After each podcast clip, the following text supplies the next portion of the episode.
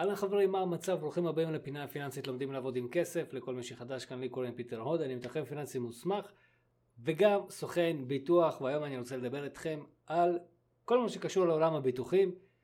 אלה הולכים להיות uh, סרטונים בעצם ופודקאסט, אלה הולכים להיות כמה פרקים שאנחנו הולכים להתמקד בכל העולם הזה שנקרא בעצם עולם הביטוח. אני חושב שזה מאוד חשוב שתכירו את המוצרים, את התוצרים שלהם, כלומר מה, איזה מענה הם נותנים, ואני אעשה לכם בעצם בכל פרק כזה איזושהי סקירה בתחום הזה, כדי שאתם תדעו גם להתמודד עם זה לבד. אז לכל מי שחדש כאן, נעים מאוד, כמו שאמרתי, פיטר הון, מתכנן פיננסי מוסמך. יש לי ערוץ יוטיוב וגם פודקאסט, אז uh, את השידור הזה אני מקליט בשני המקומות, כך שאתם יכולים גם לשמוע אותי וגם לראות אותי, אז אני מזמין אתכם להצטרף לערוץ היוטיוב ולהירשם לערוץ כדי לקבל גם את הסרטונים הבאים שהולכים. לעסוק בעצם בתחום הזה, וגם להצטרף לפודקאסט שנקרא הפינה הפיננסית ולעקוב אחריו בספוטיפיי או בכל מקום אחר, אני אשמח. Uh, בסופו של דבר יש פה הרבה מאוד ידע ו... תוכן שאני הולך לספר לכם כדי שאתם תוכלו אה, לדעת ולהתמצא בעולם הביטוחים. אז אה, בואו נצלול רגע אחד ככה קצת לעומק וניכנס קצת למבוא בתחום הביטוח כי בתחום הביטוח הוא עולם מאוד מאוד גדול. יש לנו פה שלושה תחומים עיקריים בביטוח, העיקרי ביניהם זה התחום הפנסיוני שהוא כולל גם את נושא הביטוחים הפרטיים שאתם אה, מכירים אה, בדרך כלל, שזה הביטוחי בריאות, חיים, מוות, אה, נכות, תאונות אישיות וכאלה, וגם החסכונות הפנסיונים. והתחום הנוסף, שהוא קיים בתחום הזה של הביטוח, זה התחום האלמנטרי, הביטוח הכללי. העסקים שלכם, הרכוש שלכם, האחריות, הרכב, דירה, צד ג', אחריות וכאלה. התחום השלישי הוא פחות נפוץ, אתם פחות שומעים אותו, וזה תחום ביטוח הימי. ימי ואווירי זה כל מה שקשור לשילוח בינלאומי בין מדינות וגם אה, אם יש לכם מטוס או יאכטה, אני מאחל לכם, אז גם ביטוח למוצרים האלה. היום אנחנו הולכים להתמקד בכלל, בכל סדרת הסרטונים האלה אנחנו הולכים להתמקד בנושא הפנסיוני ובנושא האלמנטרי. לי אין רישיון בתחום הימי והאווירי אז אני לא נוגע בתחום הזה כי אני לא מכיר אותו. אבל התחום האלמנטרי והפנסיוני אני פחות או יותר מכיר. אז אני הולך לספר לכם את כל מה שאני יודע מהתחום הזה, יש לי ניסיון של עשר שנים בדבר הזה, ואני רוצה לתת לכם אותו כדי שגם אתם תדעו להתמודד עם זה. אז בואו נתחיל עם הנושא הפנסיוני, שלדעתי זה אחד הנושאים הכי מורכבים שיש, אולי זה נראה לכם אה, פשוט וקל להחליט איזה פוליסה, איזה פנסיה, איזה קופת גמל, אבל הנושא הוא הרבה יותר מורכב, ואני רוצה לדבר בעצם בכל פרק על נושא אחר. Uh, התחום הפנסיוני, איתו אנחנו מתחילים, מתחלק לארבעה קטגוריות, שכל קטגוריה בעצם נותנת לנו איזשהו מענה. כאשר הקטגוריה הראשונה היא בעצם נותנת מענה לאם אני חס וחלילה מת, מה קורה? מה התוצאה של זה? איך המשפחה שלי ממשיכה לחיות? איך היא ממשיכה להתמודד עם המצב החדש שקרה? בדרך כלל המענה הוא פיננסי, הוא כספי. הדבר השני שהביטוח הפנסיוני אמור לתת לנו מענה הוא בעצם מה קורה אם אני חי חיים ארוכים יותר. אתם יודעים, אנחנו מתכננים או לא מתכננים לחיות איזושהי תקופה בעולם הזה. אתם יכולים לספור כמה ימים זה, זה לא הרבה ימים, אנחנו מדברים פה על איזה 80 ומשהו אלף ימים, שזה לא הרבה בכלל. סליחה, 30 ומשהו אלף ימים, שזה לא הרבה בכלל ימים לחיות בעולם הזה, ובסוף יש כאלה שחיים יותר, יש כאלה שחיים פחות, ואם אתם חיים יותר, אז איך אתם הולכים לממן את החיים האלה? ואם במהלך החיים האלה אתם רוצים לממן איזה שהם פעילויות, טיולים, מתנות, יש לזה מחיר. איך אתם הולכים לממן את הדבר הזה? ובשביל זה בדיוק יש לנו את הנושא הפיננסי שנכנס לתחום הפנסיוני. הדבר השלישי שהתחום הפנסיוני מטפל בו זה כל מה שקשור להוצאות רפואיות. אם חס וחלילה חליתי, אה, או אני צריך בדיקה, או אני צריך ייעוץ, או ניתוח, או כל דבר אחר שקשור לרפואה הפרטית, איך אני מטפל בזה, איך אני מממן את זה, ואנחנו ניכנס באחד הפודקאסטים, באחד השידורים, לתחום הרפואי, כדי שתבינו בכלל במה מדובר כאן ובאיזה קטסטרופה רפואית אנחנו נמצאים היום, ועד כמה זה הולך להחמיר בעתיד. אתם לא תאמינו, אתם לא מתארים לעצמכם עד כמה שהמצב גרוע פה בישראל בנושא הרפואה, למרות שעל פניו הכל נראה מתקתק והכל פיקס, המצב פה על הפנים. הדבר הרביעי שהתחום הפנסיוני נותן לו מענה זה כל מה שקשור להתמודדות עם מצב נכות. איך אנחנו מתמודדים עם הנכות. אז היום מכל ארבעת התחומים האלה אני הולך להתמקד בכל מה שקשור לתחום ביטוחי החיים.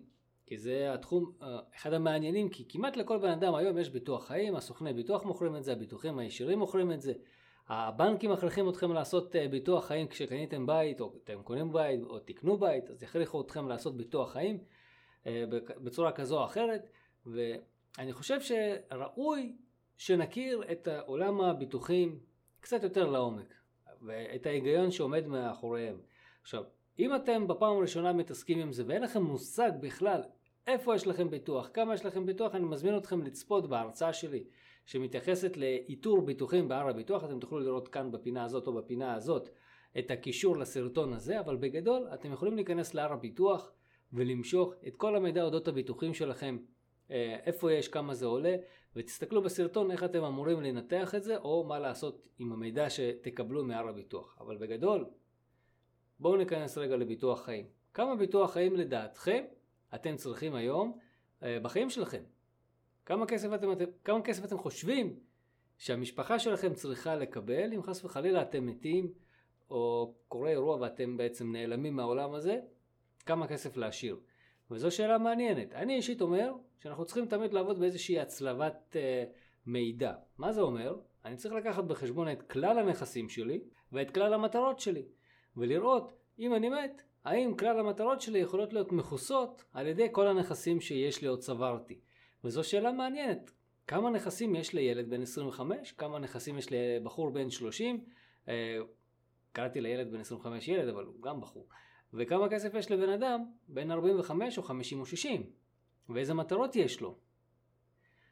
אפשר גם לשאול את השאלה האחרת. יש פה בת זוג, יש פה ילדים. כמה כסף צריכה הבת זוג במקרה וחס וחלילה קורה לבן זוג משהו. אוקיי? אנחנו בדרך כלל לוקחים את השאלה הזאת של כמה ביטוח חיים צריך כמשהו שהוא מאוד קטן. למשל, רוב הביטוחים, רוב ביטוחי החיים היום בישראל, אתם תשימו לב, הם סביב המיליון שניים. עכשיו, האם זה מספיק? לכמה זמן היום מספיק מיליון לדעתכם אה, למשפחה? נגיד יש לנו פה משפחה, ממוצע ילדים בכל משפחה בישראל הוא שלוש וחצי, עזבו את החצי, אבל נגיד יש שלושה ילדים במשפחה, בת זוג, הבעל הולך לעולמו, האם לדעתכם מיליון שקלים האלה יספיק לקלקל את אותה משפחה לטווח הארוך? האם אותו מיליון שקלים יספיק לצורך העניין אה, לעזור לאותם הילדים ללמוד ולקבל השכלה גבוהה, שלא, שלא נדבר על רגע על חתונה או על רכישת דירה או אוטו או כל מטרה אחרת. אתם מבינים אנחנו נמצאים פה באיזושהי בעיה. נמצאים בסוג של תת ביטוח למרות שמיליון זה נשמע הרבה אבל זה כלום אין פה הרבה כסף. לכן אנחנו צריכים להתייחס לביטוח חיים קצת יותר ברצינות ולא סתם ככה לעשות לעצמנו ביטוח חיים של מיליון אחד וסיימנו. ונכון חלקכם תגידו שזה לא משתלם זה כן משתלם אבל אתם צריכים להבין שאת הביטוח חיים אנחנו עושים כדי לעמוד באיזה שהם יעדים אישיים או משפחתיים גם כשאנחנו לא נהיה כאן הרי למה לי לעשות ביטוח חיים? אני עושה ביטוח חיים כי אני יודע שאם חלילה קורה לי משהו אשתי תוכל לקחת את כל הכסף ולממש את המטרות המשותפות שהיו לי ולה כלפ, כלפי אחד כלפי השני וכמובן כלפי הילדים. אני יש לי מטרות לילדים שלי, אני רוצה שהילדות שלי, יש לי שתי בנות, אה, ישיגו משהו בחיים, בין אם זה דירות, השכלה גבוהה, ושלא יהיה להם חסר. בייחוד אם אחד מהבני זוג לא יהיה פה, אני או אשתי, אז אנחנו צריכים לדאוג לזה כלכלית. עכשיו, אנחנו צריכים לקחת בחשבון שאנחנו גם לא יודעים איך הבן זוג השני יתמודד עם האובדן. אנחנו אף פעם לא יכולים לדעת את זה. יש כאלה שיגידו וואו וואו ברוך שפטרנו סוף סוף הוא לא איתי יש לי עכשיו שקט ויש כאלה שנכנסים לדיכאון ויש כאלה שנכנסים לקושי של התמודדות וצריכים לעכל את המצב החדש הזה. לכן אנחנו מייצרים ביטוח חיים. סכום כלשהו שהמשפחה מקבלת ואני אגיד לכם עכשיו איך לחשב את הסכום הזה ככלל אצבע כזה קטן ועם הסכום הזה המשפחה יכולה לעשות מה שהיא רוצה שבגדול הוא נועד כדי לעזור לאותה משפחה להתמודד עם אותו אובדן. לא להיות בלחץ על כסף, לא להיות בלחץ של אוקיי אין לי עכשיו איך להביא מטפלת, אין לי איך להביא אני לא יודע מה שיעורים פרטיים או פסיכיאטר או פסיכולוג לילדים או לטפל בהם רכיבה טיפולית ודברים כאלה ואחרים. יש פה הרבה מאוד מרכיבים שאנחנו מנסים לקחת בחשבון כשאנחנו עושים ביטוח חיים. עכשיו כמה ביטוח חיים באמת צריך? זה משתנה בין משפחה למשפחה. יכול להיות ויש לכם המון נכסים שאתם יכולים להנזיל, שדרך אגב, גם בנושא הזה לפעמים כדאי שיהיה ביטוח חיים, כי לא תמיד אפשר להנזיל את הנכסים מעכשיו לעכשיו. לפעמים לוקח המון זמן להנזיל את אותם הנכסים, ולכן אנחנו נרצה שיהיה לנו איזשהו סכום מקדמי, כמו איזה נגיד מיליון שקלים, שהמחירים שם היום לאנשים צעירים הוא כמעט אפסי, כן, הוא לא אפסי, אבל הוא זול. הוא יחסית זול, שאנחנו, כל אחד יכול להרשות לעצמו את המחיר הזה, אה, והכסף הזה יכול לשמש את אותה משפחה. אבל כמה ביטוח חיים אנחנו צריכים באמת? אני חושב שכדי לענות על השאלה הזאת אתם צריכים לעשות איזה מיני תכנון פיננסי לעצמכם. מה זה מיני תכנון פיננסי לעצמכם? אתם צריכים לשאול את עצמכם את השאלות של אוקיי, מחר אני הולך לעולמי, מה קורה למשפחה? איך היא אמורה להתמודד? אז קודם כל תשאלו את הבת זוג, מחר אני מת, כמה כסף את צריכה כדי להתמודד, לחיות, לשרוד, לעשות את מה שאת חושבת לנכון לעשות? תשאלו את הבת זוג, אל תחליטו על דעת עצמכם כמה כסף אתם צריכים, כי זה מה שאתם חושבים שאתם צריכים, אבל זה לא אתם הולכים לקבל את הכסף, מי שהולך להתמודד עם הכסף הזה, הוא זה שצריך להחליט, או היא זאת שצריכה להחליט כמה כסף היא צריכה לקבל. זה יכול להיות מיליון, יכול להיות שתיים, יכול להיות גם עשר. אוקיי? לכל אחד מאיתנו יש איזשהו אה, אה, חשיבה כזאת שאנחנו נחליט כמה כסף להשאיר, אבל וואלה, אם אתם רוצים להשאיר משהו, תשאלו את הבן בת זוג כמה הם כסף הם צריכים. אני אפתיע אתכם, אולי אתם אה, חושבים שהבן בת זוג צריכים 2, 3, 4 מיליון שקלים, אבל לפעמים בני בנות זוג צריכים פחות. אני הייתה לי משפחה כזאת שהבן זוג עשה ביטוח חיים לעצמו, שאם הוא הולך לעולמו הבת הזוג לוקחת איזה 4 מיליון שקלים, ולעומתו כשהיא הולכת לעולמה הוא לוקח רק 2 מיליון שקלים, כי הוא אמר אני לא צריך את הכסף, אני, אני בתור אחד שמכיר את עצמו, הבן אדם, יודע להתמודד עם אובדן, כי הוא איבד חלק גדול מהמשפחה שלו, אז הוא אומר, אני לא צריך הרבה כסף, אני צריך כדי לסגור פינות, כמו עזרה לילדים בטווח הארוך. אוקיי? אז קודם כל אתם צריכים לשאול את הבן בת זוג, כמה כסף לדעתכם, או לדעתם, הם צריכים, במקרה של חס וחלילה אובדן של אחד מבני הזוג. חשוב מאוד שהם יענו על השאלה הזאת. הדבר השני שאתם צריכים לבדוק ולשאול את עצמכם ביחד, הוא מה אתם רוצים מהחיים שלכם קדימה. אוקיי? זאת אומרת שאם היום אתם הולכים מהעולם הזה, כמה כסף הצד השני צריך כדי לממש את כל אותם החלומות והרצונות המשותפים שיש ביניכם כרגע. זה יכול להיות עזרה לילדים, אתם אולי רוצים לקנות בית לכל ילד ויש לכם ארבעה או חמישה ילדים. אולי אתם רוצים לקנות להם מכוניות, אולי אתם רוצים לעזור להם בחתונה, בהשכלה גבוהה, אולי אתם רוצים לממן טיול מסביב לעולם, אולי אתם רוצים כלפי עצמכם לממן איזושהי קרן ושיהיה לכם הרבה כסף. יש פה הרבה מאוד דברים שאתם יכולים לקחת בחשבון ופשוט לרשום את העלויות של כל הדברים האלה. אחרי שרשמתם את כל העלויות של הדברים האלה, תסתכלו כמה כסף צברתם עד היום. ותעשו זה פחות זה, כי כשבן אדם נפטר, אז הצד השני מקבל את כל הכסף גם ככה של החסכונות שלו. אז לא צריך לחסוך גם וגם לעשות ביטוח, אלא אם כן אתם רוצים, אוקיי? העלויות פה הן לא גבוהות אז אפשר גם וגם. וברגע שיהיה לכם את התמונה הזאת של אלה כל המטרות שלנו, הן שוות 4 מיליון שקלים. ואלה כל החסכונות שלנו, הם שווים 500 אלף שקלים, שזה נגיד חצי חצי, 250-250, אז אתם יודעים שאתם צריכים שיהיה לך, לכל אחד מכם, 3 מיליון שקלים ביטוח חיים. כי אחד, אם אחד מכם הולך לעולם הבא, הצד השני יקבל את הסכום הזה, והוא יכול בעזרת הסכום הזה לממש את אותם החיים שאתם מאחלים לעצמכם. אז כל הנושא הזה של תחום ביטוח החיים, עד כמה שהוא נראה פשוט ו... אה, קוראים לביטוח חיים ביטוח כאילו טיפש. למה ביטוח טיפש? כי לא צריך להיות חכם. המוצר הזה הוא לא כזה חכם, הוא לא כזה מתוחכם, אז אנחנו לא צריכים להיות uh, מתוחכמים איתו. אבל מצד שני, תשימו לב, אנחנו כן צריכים לקחת אותו בחשבון, וכן להיות קצת מתוחכמים איתו. אנחנו צריכים להבין גם מה המשמעות של כל כיסוי וכיסוי וכל פוליסה ופוליסה ולמה היא משמשת. לצורך העניין, אם עשיתם ביטוח משכנתה, אז אתם יודעים שהפוליסה לא משמשת אתכם, הפוליסה הולכת, הכסף הולך לבנק. אז נכון, אחד מבני הזוג נפטר, הכסף הולך לבנק, ומה הלאה? איך המשפחה ממשיכה לחיות? אז יש להם בית, אין חובות, יופי, מה הלאה? איך היא מממנת חתונות? איך היא מממנת, אה, לא יודע, רפואה פתאום? חס וחלילה קורה משהו וצריך רפואה. האם המשפחה תהיה בלחץ של לחזור למקום העבודה אחרי יום פטירה, או שהיא תוכל להרשות לעצמה להיות בבית ולהשתקם אחרי האירוע? יש פה הרבה מאוד דברים שצריכים לקחת בחשבון. בכל מה שקשור לאירוע הספציפי הזה של פטירה. ולא עלינו, המקרים האלה קורים כל הזמן. נכון שהסטטיסטיקה היא לטובת החיים. אני תמיד אוהב להגיד את זה.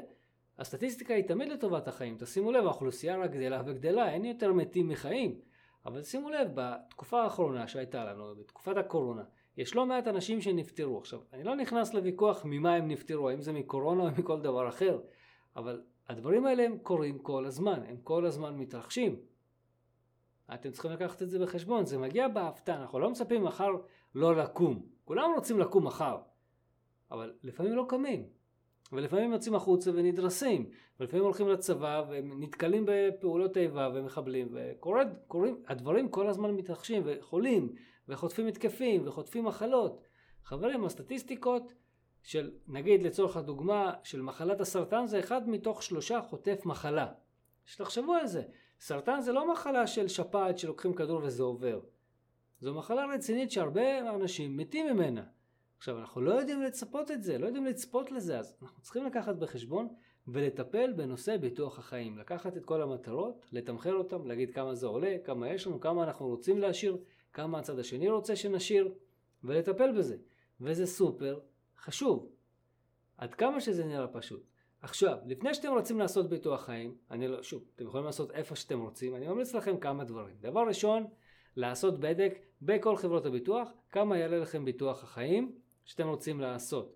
מאוד מומלץ לבדוק את זה בכל חברות הביטוח. עכשיו, אם עשיתם ביטוח חיים מזמן, תמיד שווה לבדוק האם המחירים ירדו. עכשיו, זה לא, לעשות, לא צריך לעשות את זה כל שנה, לרוץ בין ולעבור חברה וחברה.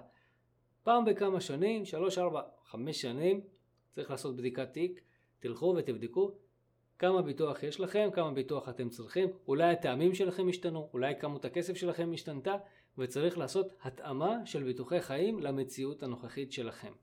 חוץ מזה, יכול להיות שתעברו היום חברה לחברה אחרת ותקבלו עוד הפעם הנחות לתקופה ממושכת, היום ההנחות ניתנות לשש שנים, אז כדאי לנצל ולבדוק את זה. הדבר השני שכדאי לכם לבדוק הוא האם יש לכם היום ביטוח חיים דרך החיסכון הפנסיוני. אנחנו נגיע לדבר על החיסכון הפנסיוני, אבל בגדול, קרן פנסיה נותנת לכם מענה בשלושה מקרים, שאחד מהם הוא מקרה פטירה. עכשיו, המקרה הזה מכוסה על ידי תשלום בתשלומים חודשיים, זה נקרא פנסיית שאירים. כלומר, במקרה פטירה, קרן פנסיה משלמת כל חודש קצבה לאלמנה ולילדים. אתם צריכים לקחת את זה בחשבון, זאת אומרת, אם אתם מצפים לקבל בוכטה של כסף, זה לא יקרה בקרן פנסיה, או בעזרת קרן פנסיה, אז אתם צריכים לבדוק את זה. יכול להיות שאתם תגידו, אני רוצה לקבל את התשלומים החודשיים מהחיסכון הפנסיוני שלי, אבל אני גם רוצה לקבל בוכטה אחת גדולה. כי המטרה של קרן הפנסיה בעצם זה לשמר את רמת החיים שלכם. המטרה של הביטוחים, ביטוחי החיים הפרטיים זה לדאוג שאתם תוכלו לממן את כל המטרות ואת כל היעדים.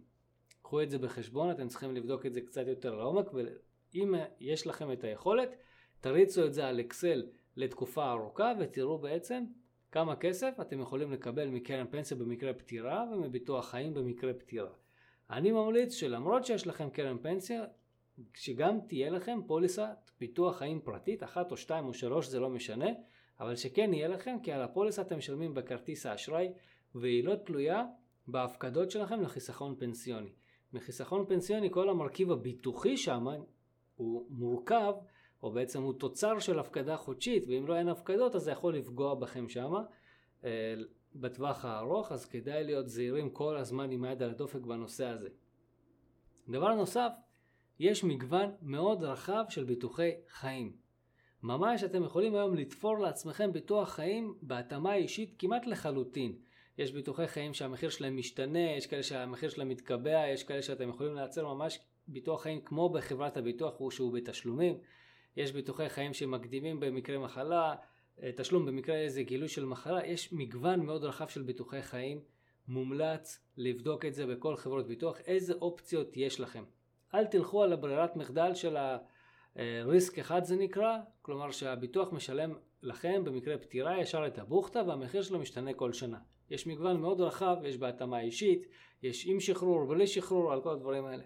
אני אדבר בהמשך, אבל כדאי שתכירו את המוצר הזה קצת יותר לעומק ותבינו מה יש בחברות הביטוח. עכשיו, אם אתם לא רוצים להתעסק עם זה, תפנו לסוכן ביטוח שלכם או ליועץ פנסיוני שיתאים לכם ביטוח חיים, או פשוט תתקשרו לחברה ותראו מה הם מציעים לכם, תבקשו את כל האפשרויות, איזה ביטוחים יש כאן, איזה ביטוחים יש שם, ותעשו את זה.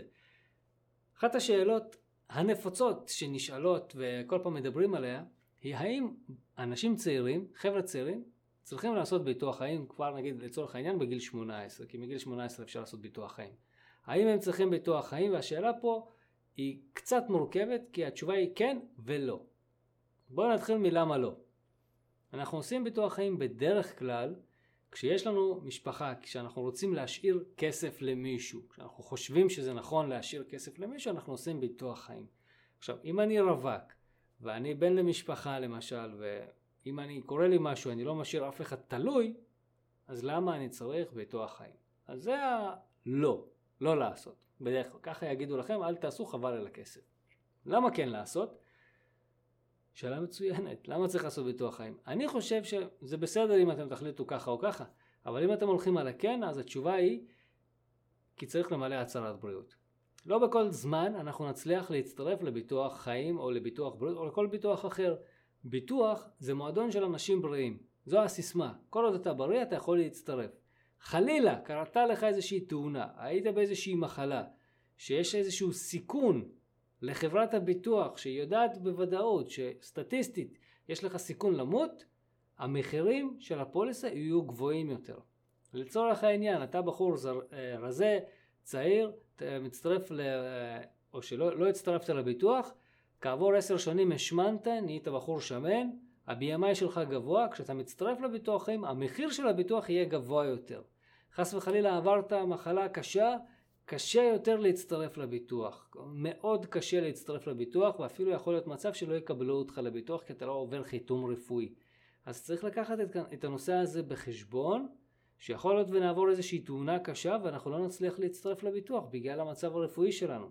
כי חברות ביטוח לא מקבלות את כולם, וזה הופך להיות מורכב. לכן אתם צריכים להחליט האם אתם לוקחים את הסיכון הזה או לא לוקחים את הסיכון הזה. עכשיו אני לא רוצה להפחיד אתכם, כי כמו שאמרתי, הסטטיסטיקה היא תמיד לטובת הבריאים והחיים, היא לא לטובת החולים והמתים.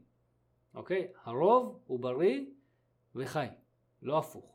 אז אתם צריכים לקחת את זה בחשבון, הכל עניין של בסופו של יום תקציב אישי שלכם, ואני חושב שראוי ורצוי לקחת את זה בחשבון, אבל לא להתפזר. תבדקו את זה בחברות הביטוח, תבדקו שאתם אה, אה, מבוטחים. שדרך אגב, דוגמה נוספת או מקרה נוסף שאתם צריכים לקחת בחשבון, אם אתם משקיעים בארצות הברית ואתם משלמים שם מיסים ואתם נחשבים אה, תושבי או אזרחי ארצות הברית או תושבי ארצות הברית לענייני מיסוי וכל הדברים האלה, במקרה וחס וחלילה קרה מקרה פטירה, יש מס על ירושה בארצות הברית. אז אתם יכולים לקנות פה ביטוח חיים במחירים מאוד זולים, אני לא יודע כמה עולה ביטוח בחו"ל, אבל פה אתם יכולים לקנות ביטוח חיים ובמקרה של פטירה חס וחלילה וכשצץ מס ירושה אתם יכולים לשלם, לשלם אותו באמצעות הביטוח הפרטי הזה כי הוא משולם במונחים של נטו כלומר אם קניתם מיליון אתם מקבלים מיליון נקי בלי מס בלי שום דבר. לפחות פה בישראל. אז תבדקו את הנושא הזה ואל תיכנסו לאיזה שהם הרפתקאות כאלה של חוסר ודאות פיננסית מעצמכם כי אתם יכולים לקבל לקנות הרבה נכסים שם להשקיע שם ובמקרה פטירה הכל עובר והמשפחה שלכם פה חוטפת זמבורה של אה, מיסוי או מס ירושה שאנחנו לא רוצים להיות במצב הזה כי זה יכול להפיל פה משפחה אתם יודעים לקבל פתאום אה, 300 אלף דולר אה, מס לשלם זה כבד לא, לא פשוט. זהו חברים בפרק הבא אנחנו נדבר על כל מה שקשור להוצאות רפואיות תקשיבו הולך להיות סופר מעניין כי העולם הרפואה פה בישראל ובכלל בעולם רק עולה ועולה מבחינת המחירים. אתם, לדעתי אין לכם מושג אפילו כמה רופאים אונקולוגיים יש פה בישראל, כמה עולות פה תרופות יקרות. אתם יודעים בכלל כמה עולה התרופה הכי יקרה בישראל? אני מאתגר אתכם לפרק הבא, אתם מוזמנים להגיב לי פה בתגובות.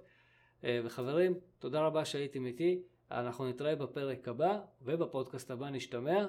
יאללה ביי חברים. דרך אגב אני מזמין אתכם להצטרף לקבוצת הפייסבוק שנקראת הפינה הפיננסית לומדים לעבוד עם כסף. המקום שלכם להתבטא, להגיד מה שאתם חושבים על המצב הפיננסי ולשאול שאלות. חברים, אנחנו נתראה בפרק הבא. יאללה ביי.